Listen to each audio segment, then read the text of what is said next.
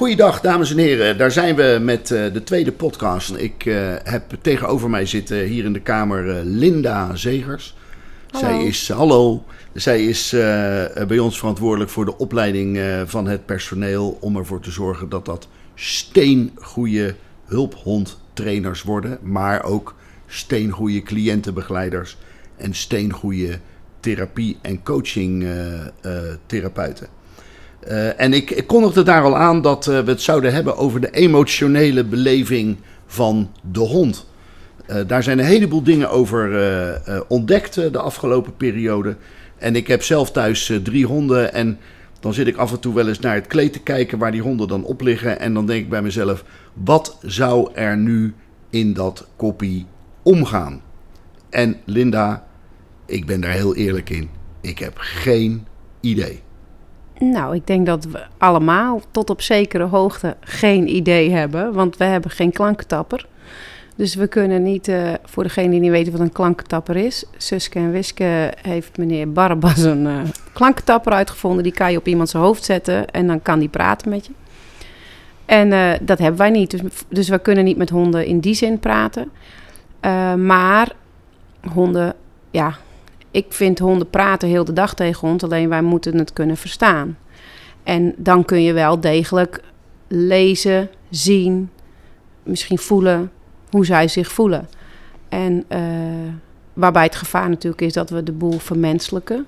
Want dieren hebben, alle zoogdieren in principe, en wij hebben het hier natuurlijk specifiek over honden, dus honden, zijn in staat tot, dezelfde, tot het voelen van dezelfde emoties als wij. Maar dat betekent niet per se dat zij ze op dezelfde momenten altijd voelen. Zij kunnen een andere kijk hebben op iets en daardoor er een andere emotie over hebben als dat wij die hebben. Ja, want als, als je kijkt naar, naar de onderzoeken die, die zijn gedaan naar het mensenbrein, dan kun je grofweg zeggen dat we hebben het reptiele brein, hè, wat uh, uh, vechten, vluchten uh, of bevriezen doet met je. Je hebt een zoogdierenbrein waar onder andere je emoties zitten. En we hebben dan wat wij mensen noemen de prefrontale cortex weer.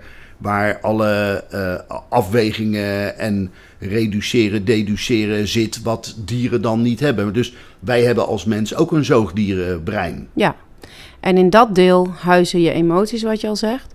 En er werd heel lang aangenomen dat, dat, uh, dat het diepere stukje toch nog weer in dat speciale stukje wat alleen wij hebben zitten. En dat is dus niet zo. Hè? Er zijn nu gewoon echt heel veel onderzoeken geweest en uh, er is heel veel over te lezen.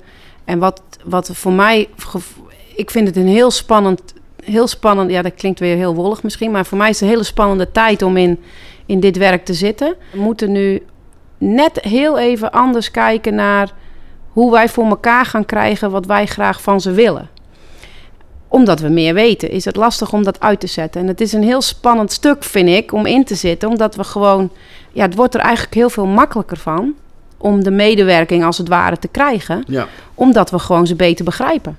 Maar ja, leg, leg nou eens uit aan een uh, volslagen leek, uh, waar ik mijzelf dan toe reken. Ik heb drie honden thuis, dat vertelde ik net. Ja. En dan ben ik met ze in het bos. En uh, dan gebeurt er van alles. Er zijn allerlei prikkels, andere honden, mensen, stokken, hondenpoep. Weet ik veel wat er allemaal is. Uh, en die hond heeft natuurlijk allerlei zintuigen die veel beter functioneren dan die van ons. En neem mij nou eens mee met zo'n in zo'n wandeling door het bos met, met zo'n hond. Als het gaat om emoties en beleving. Nou ja, kijk, je emoties worden opgebouwd uit je verleden ook gedeeltelijk. Dus als jij met je hond naar het bos gaat en die heeft daar altijd heel veel plezier. Ja, die stapt in de auto en die weet op een gegeven moment dat jij je schoenen aan hebt die je altijd aan hebt als je naar het bos gaat. Dan wordt hij al blij. Dan heeft hij heel simpel de emotie: ik ben blij, want wij gaan naar het bos. Maar als jouw hond uh, altijd misselijk wordt in de auto, dan kan die blij worden van het feit dat jij je schoenen aantrekt. Tot je richting de auto loopt en dan denkt hij, oeh ja, dan word ik zo meteen misselijk en dat vind ik niet zo fijn. Dus dan krijgt hij een andere emotie. Dan vindt hij het gewoon niet prettig. Misschien wordt hij zelfs bang of uh, hij voelt zich in ieder geval een beetje ongemakkelijk. En die kan die heel de, en dan kan die net als mensen een mix hebben van emoties. En ik denk dat dat wel een van de stukken is waar we nu, wat voor ons lastig is om soms uh, begrijpend bij onszelf al vaak niet. Dus het is heel moeilijk om dat bij honden ook goed te begrijpen. Maar honden hebben dus ook die gemengde gevoelens waar wij het altijd over hebben. Dat is, kunnen honden dus ook hebben. Dus die kunnen de hele tijd switchen tussen... Oh ja, hij heeft die schoenen aan, ik ben zo blij. Oh shit, ik zit, moet naar de auto. Oh, en dan ergens over, neemt eentje de overhand. Meestal zodra je uh, dan parkeert en de hond stapt uit de auto... dan neemt de blij weer helemaal de overhand. En Want dan, zijn we in het bos. Dan zijn we in het bos. Ja. En dan is het... De emoties wisselen elkaar af met de prikkels. Dus als jouw hond toevallig dol is op hondenpoep... wat niet per se uh, fijn is, maar goed, voor sommige honden wel dan elke keer als hij er eentje ruikt, dan wordt hij blij.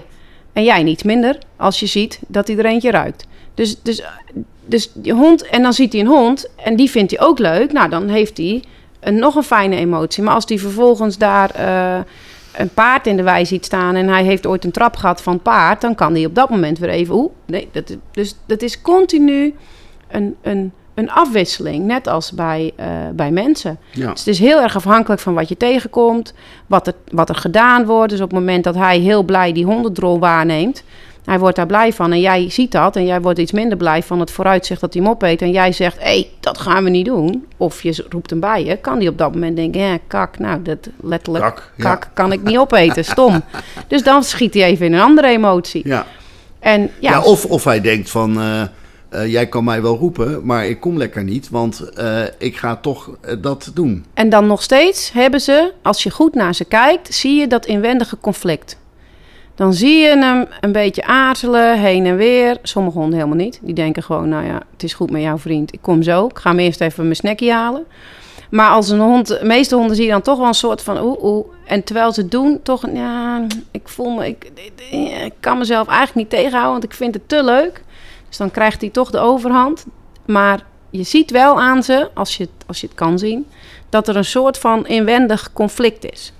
En dat is wel uh, iets wat voor ons heel belangrijk is, ook bij ons in het werk met de honden, om dat goed waar te nemen. Want dat maakt wel heel veel dingen. Uh, als je het goed kan zien, maakt het het, het trainen van de honden veel Ja. makkelijker. Is, is het een, een, een hele moeilijk te beantwoorden vraag? Als ik nu aan jou vraag van, eh, ik zie dan dat interne conflict, hè? Eh, maar ja, ik wil dan toch dat hij naar mij toe komt. Eh, hoe, doe, hoe doe ik dat dan? Nou ja, kijk, ik denk, is het erg om een. Wij vinden, wij, wij, dat is een beetje lastig, want wij willen ook altijd graag dat die hond zich alleen maar prettig voelt. Maar ja, ik voel me ook niet altijd alleen maar prettig in de wereld. Dus soms moet ik ook denken, weet je, er is volgende week een of andere speciale million dollar race in eh, Las Vegas. Met de paarden. En eh, daar zou ik heel graag heen willen. Maar ja, dat geld heb ik ook niet. Nou, voel ik me ook een beetje. Hè, dat ik denk, jammer. Ja, je kan zeggen, oh nou, ga toch. En eh, je kan ook tegen je hond zeggen: Nou, joh, ik vind het fijn dat jij je prettig voelt, eet hem lekker op. Maar jij hebt op, op dat moment ook behoeftes en je wil dat liever niet, want hij zit dan straks op de achterbank in je nek te hijgen. Dat is niet zo, ruikt niet zo lekker. En dat hij zich dan inwendig eventjes, ja, je kan het leuker maken door te zeggen: Nou, kom bij mij, ik heb ook iets lekkers voor je. Eh, maar het conflict zegt al dat dat op dat moment is het er al. Dus je kan het niet wegnemen. Je kan zorgen dat hij zich daarna bij jou ook prettig voelt. En dat hij dan weer in een, in een positieve emotie eh, zou gaan. Eh, maar dat is eigenlijk het enige wat je kan doen. Je kan niet zeggen, nou, ik neem die emotie weg. Want dat, wij kunnen emoties niet, we kunnen ze sturen door ze een belevenis te geven. Maar wij kunnen niet hun emoties afnemen, zeg maar. Dat, dat is niet, dat kan niet. Nee, nee maar dat, dat, dat, dat snap ik ook. Het enige wat je kunt, dat is eh, ze zien, Ja. ze lezen Ja, en er vervolgens iets mee doen. ja. Is, is dat ook wat wij eh, in onze training gebruiken? Ja, dus dat is wat we zitten nu dus ook in dat hele belangrijke omslag. Dat is ook een, een, een, een, een periode van leren kijken op die manier. We moeten dat ook gewoon, we zijn daar veel mee bezig. We zijn het aan het, aan het eigen maken. Dat is nog niet helemaal een gewoonte. Eh, maar dat, dat komt heel erg mooi. En het, Maar wat maak je je dan eigen? dat je goed kan lezen in welke emotie die op dat moment eh, die die op dat moment beleeft. Want op het moment dat ik een hond heb die iets. Het is vooral op het moment dat wij graag willen dat een hond iets gaat doen wat hij misschien niet van nature zou doen. Hè, dan, dan hoeft hij het helemaal niet eng te vinden, maar iets wat een hond niet van nature doet, willen wij, en wij willen dat hij dat straks in de toekomst gaat herhalen, dan willen wij wel dat hij zich daar prettig bij voelt. Want dan herhaalt hij het gewoon makkelijker. En op het moment dat een hond bijvoorbeeld uh, in een afwachtende emotie zit en ik neem dat niet waar en op dat moment zeg ik doe het nou of ik, of ik nodig hem of ik lok hem met een koekje, dan is hij er niet op dat moment zelf echt bij.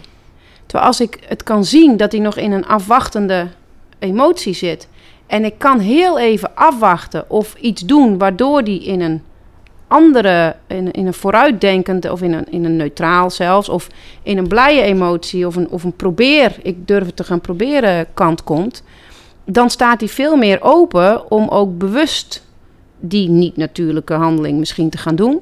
En omdat hij hem dan zelf ervaart als iets positiefs, hij voelt zich er prettig bij, heb ik veel meer kans dat hij het veel sneller uit zichzelf weer gaat herhalen. Ja, ik, ik zag je van de week uh, bij ons op kantoor uh, heel druk in de weer met een collega om een hond trap te leren lopen, bijvoorbeeld. Ja. is, is, is dat zo'n voorbeeld van iets wat de hond eigenlijk niet durft en dat je dan op basis van het lezen van zijn emotie probeert om hem zover te krijgen dat hij uiteindelijk de trap op gaat. Ja, en dat is, en dat is een van onze. Hè, dus in een auto springen, de trap lopen. Dat zijn dingen die niet. Bedoel, van nature is het niet. Oh, een trap. Ze kunnen heel makkelijk een helling oplopen van nature. Maar trappen vergt wel. Uh, dat je je vier poten los van elkaar kan gebruiken. Daar zit een, een, een motorische vaardigheid moet daarbij zitten. Uh, dus dat zijn best wel heel veel aspecten in dat traplopen waar iets niet helemaal uh, goed kan iets mis kan gaan, laat het zo maar zeggen. En op het moment dat er iets misgaat, voel je je altijd minder fijn. En dat is bij die honden ook zo. En op het moment dat je daaraan voorbij gaat, hou je het probleem eigenlijk veel langer in stand. Of de hond vindt een oplossing voor zijn probleem, namelijk ik vind die trap lastig. En wat heel veel honden dan doen is heel snel de trap oprennen, want dan zijn we er maar vanaf. Nou ja, dat willen we niet, want dat is niet. Dat, en voor sommige honden gewoon gevaarlijk. En het is voor onze cliënten eigenlijk gewoon niet, die kunnen dat helemaal niet bijhouden. Dus dat is helemaal niet, eh, niet aan de orde. Uh, dus, dat, dus daarom is het belangrijk dat honden leren om zich comfortabel te voelen op die trap. En daar is dat lezen van die, is hij op dit moment überhaupt in staat om dat op die manier te ervaren? Om zich daar comfortabel te voelen. Dat is een heel belangrijk stuk, zeker in dat soort trainingen, om dat goed te kunnen lezen. Want het, niet alleen is het voor de hond fijner, maar het is ook vele malen efficiënter in je trainingsproces waar je in zit. Want op het moment dat ik als het ware aan die hond blijf trekken, vindt het nou leuk, vindt het nou leuk. Ik kan, ik kan niemand niet dwingen om iets leuk te vinden. Ik kan alleen zorgen dat ik, dat ik een situatie creëer die voor, die voor die hond als positief kan worden ervaren. En op basis daarvan, van die positieve ervaringen, staat hij steeds makkelijker open om verder te leren. En dat is wat we nu heel erg uh, in onze trainingen proberen te doen. Ja, en uh, juist ook uh, voor de mensen die ja, niet iedere dag bezig zijn met het werken met honden, maar met hun hond in het bos lopen, hun hond ook beter willen leren begrijpen. Hoe neem je nou die emotionele beleving van de hond waar? Waar moet ik op letten als ik naar de hond kijk om iets te proberen te begrijpen van die emotionele beleving van de hond? Nou, ik denk dat iedereen het al kan. Daar ben ik dan heel erg blij mee, want dan kan ik het ook. Ja, nee, ik denk echt dat iedereen al heel veel dingen waarneemt zonder het te weten mensen hoor je best vaak zeggen: dat vindt mijn hond niet fijn, of uh, daar wordt hij heel blij van, of nou, dat vindt hij heel erg leuk. Wat ik helaas ook wel eens zie, is dat mensen dat dan vooral heel erg leuk vinden. En dat de hond soms zegt: Nou ja, ik niet per se, maar ja, mijn baas vindt het zo leuk, dus nou vooruit dan maar. dat gebeurt ook wel eens. Dus het kan geen kwaad natuurlijk om het goed te kunnen waarnemen. En uh, wat, wat voor de meeste mensen gewoon het makkelijkste is om naar te kijken, is naar hoe het lichaam zich uh, houdt en de oren. Want oren kan iedereen zien. Dus um, je hebt heel veel onderdelen van een lichaamstaal van een hond. Maar de meest in het oog springende zijn wel de oren en de staart. Waarbij uh, de staart niet altijd doorslaggevend is, omdat gewoon heel veel verschillende honden verschillende uh, staarten hebben. Dus dat maakt het een stuk lastiger uitleggen. En de oren zijn over het algemeen, of ze hangen of ze staan rechtop. Dus dat, er zit niet zo heel veel uh, verschil in. En oren zijn altijd het makkelijkste toch, denk ik, te zien. Wel iets waar ik vooral heel veel informatie uithaal. Je kunt het een beetje zo zien, waar de hond aan denkt, daar gaan zijn oren ook naartoe. Dus op het moment dat ik met mijn hond in het bos loop en zijn kop gaat omhoog en zijn oren gaan allebei een bepaalde. Die, meestal kijken de honden er ook naar. Maar uh, als je vlak daarvoor draai je vaak eerst de oren die kant op. En dan... maar, maar, even, dan, even een verduidelijkingsvraag. Ja? Dat, dat betekent dat een hond zijn oren uh, alle kanten uit kan bewegen? Ja. Oké. Dus die kunnen naar voren, naar achteren, naar de zijkant. Uh, die kunnen plat, die kunnen uh, helemaal in de nek getrokken worden. Uh, dus die kunnen ze heel veel kanten mee op. En er zitten ook heel veel spiertjes in. Dus ze kunnen daar ook heel veel nuances mee aanbrengen. Dus naast alleen naar voren en naar achteren heb je als het ware, je hebt helemaal naar voren, je hebt een kwart en je hebt de, de helft, je hebt helemaal naar achteren. Dus er zitten heel veel nuances in. Plus ze kunnen hun oren los van elkaar bewegen. Dus een hond kan, uh, hè, we hadden het ook in de vorige over bijvoorbeeld een inwendig conflict. Dan kan je ook zien aan de stand van de oren. Want dan is het ene oor naar waar die eigenlijk naartoe zou willen. Jij roept hem, dat andere oor gaat naar jou.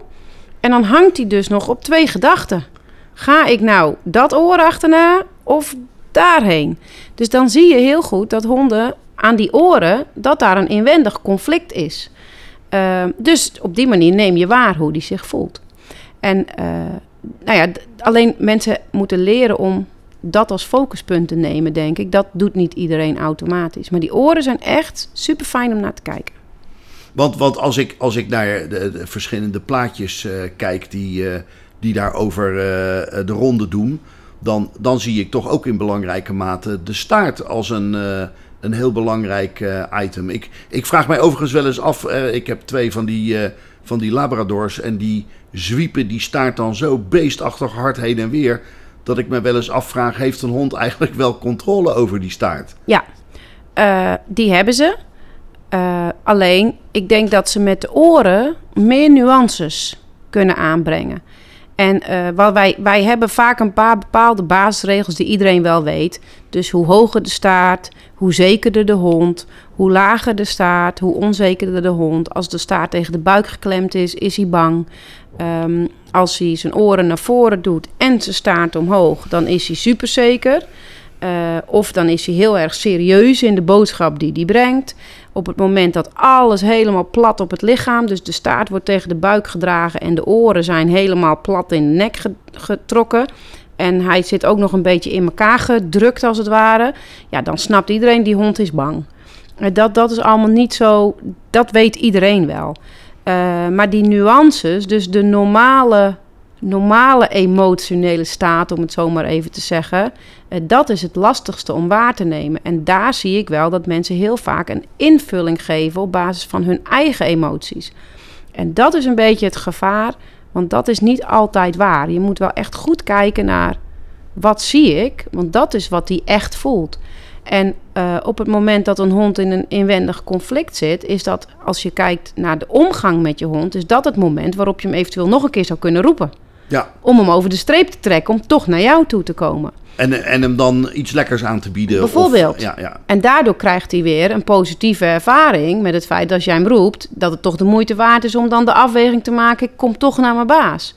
Uh, als je ziet dat hij naar jou kijkt, je bent bijvoorbeeld met een hond aan het trainen of je bent samen met je hond in het bos en je wil een andere hond passeren. Of uh, een, uh, een fietsers uh, komt een groepje mountainbikers aan en je wil je hond naast je houden zodat hij niet onder de fietsen komt.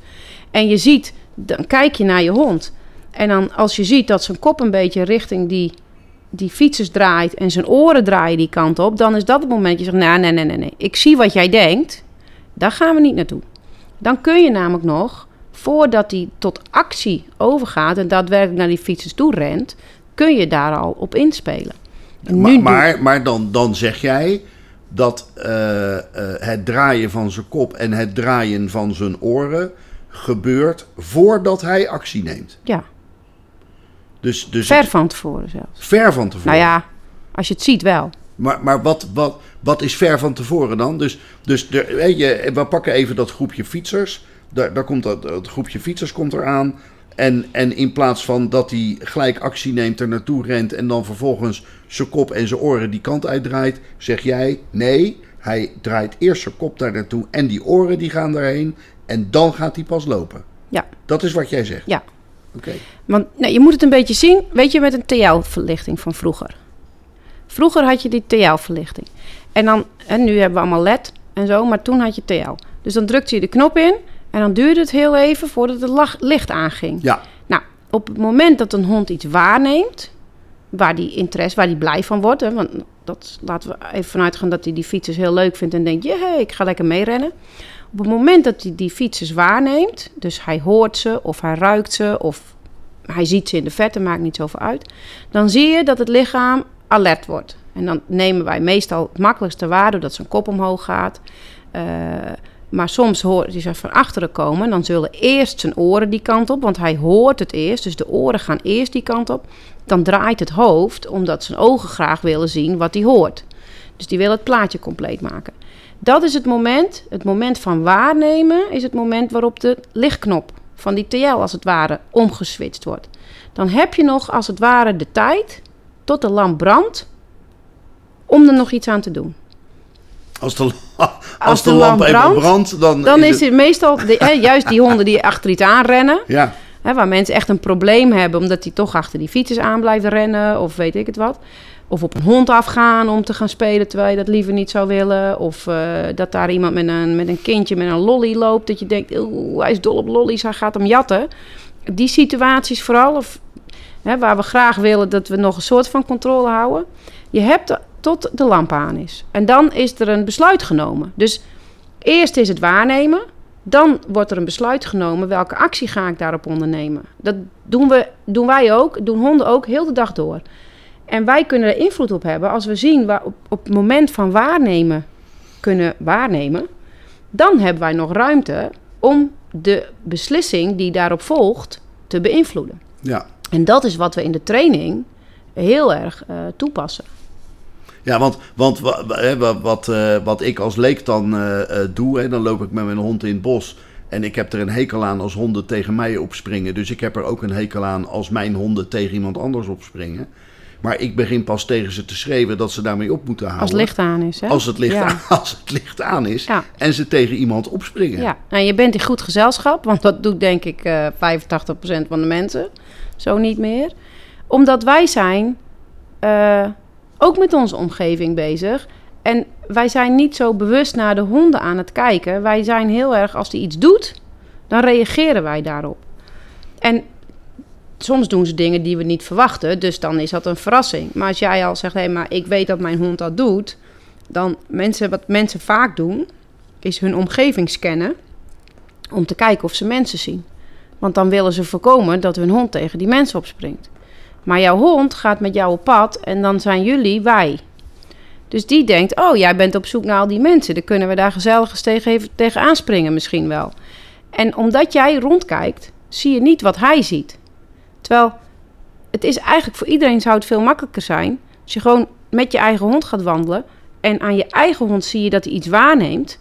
en dan kun jij meteen zeggen, nou, ik weet niet wat je ziet... maar je gaat er niet naartoe. En daarna kun je nog gaan kijken wat hij nou eigenlijk zag. Want wij zijn nieuwsgierig, hè? dus we willen altijd eerst nog kijken. Dat doen we ook. Dan zien we dat die hond iets ziet. Dan gaan we eerst zelf kijken wat hij ziet. Maar daardoor bevestig je eigenlijk tegen je hond: Oh, ik zie het ook. Oh, dat is hartstikke leuk. Of dat is hartstikke spannend. Of welke emotie jij ook hebt. Want dat is ook nog leuk. Honden kunnen aan ons gezicht onze emoties waarnemen. Dus als wij Nou, iets. dat moet niet gekker worden, Linda. Nee, het is echt zo. Echt waar? Ja, dus als wij iets vinden, eh, kunnen zij dat aan ons zien. Ik geloof best dat honden het beter zien bij mensen die ze beter kennen. Want dat, zo werkt het bij ons ook. Hè. Als je iemand beter kent, kun je veel beter al zien hoe die zich voelt. Dus dat zie ik ook wel bij honden.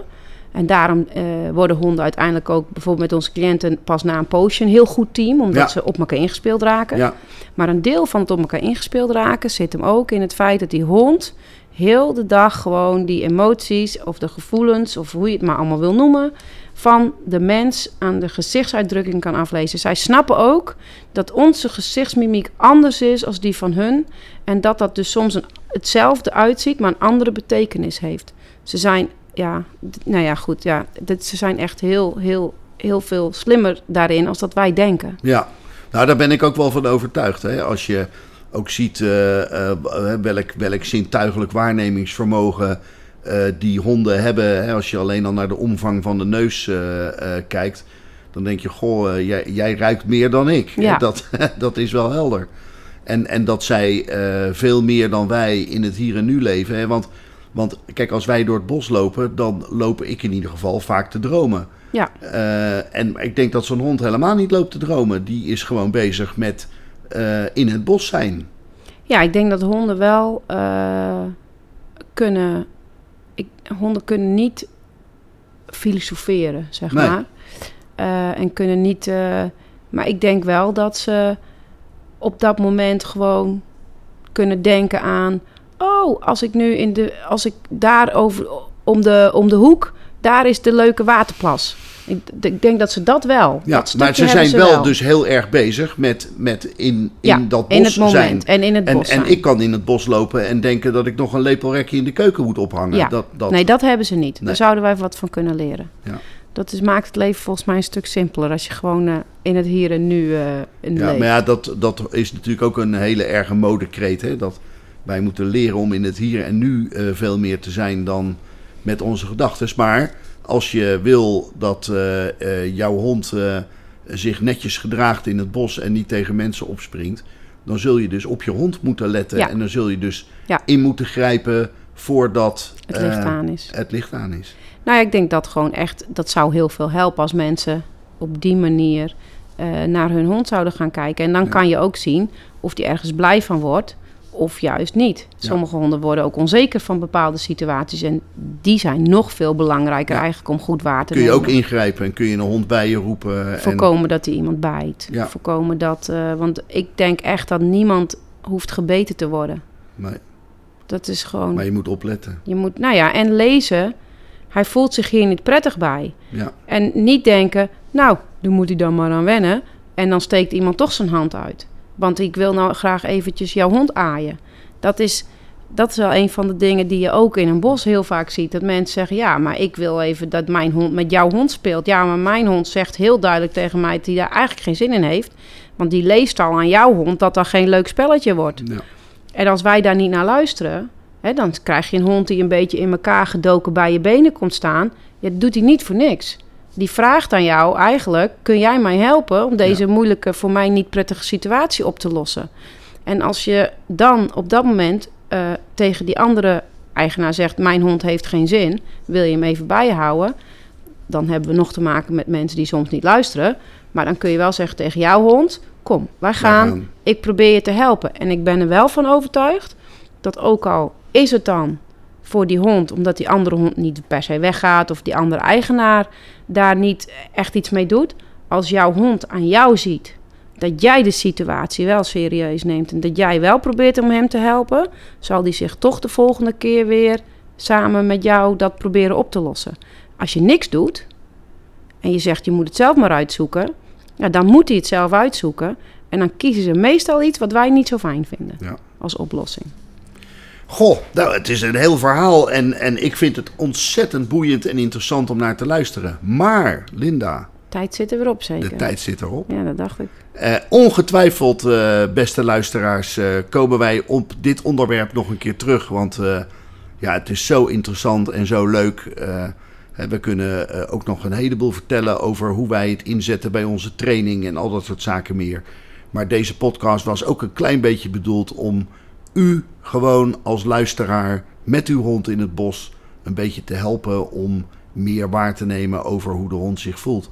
Linda, ik vond het ontzettend leuk en heel gezellig om op deze manier met jou te praten. Heel hartelijk bedankt. Oh, leuk. En eh, wellicht eh, en zeker tot een eh, volgende keer. Dames en heren, dit was het voor deze keer. En ik zie u graag, of ik spreek u graag moet ik zeggen, bij een volgende podcast. Tot ziens! Tot ziens.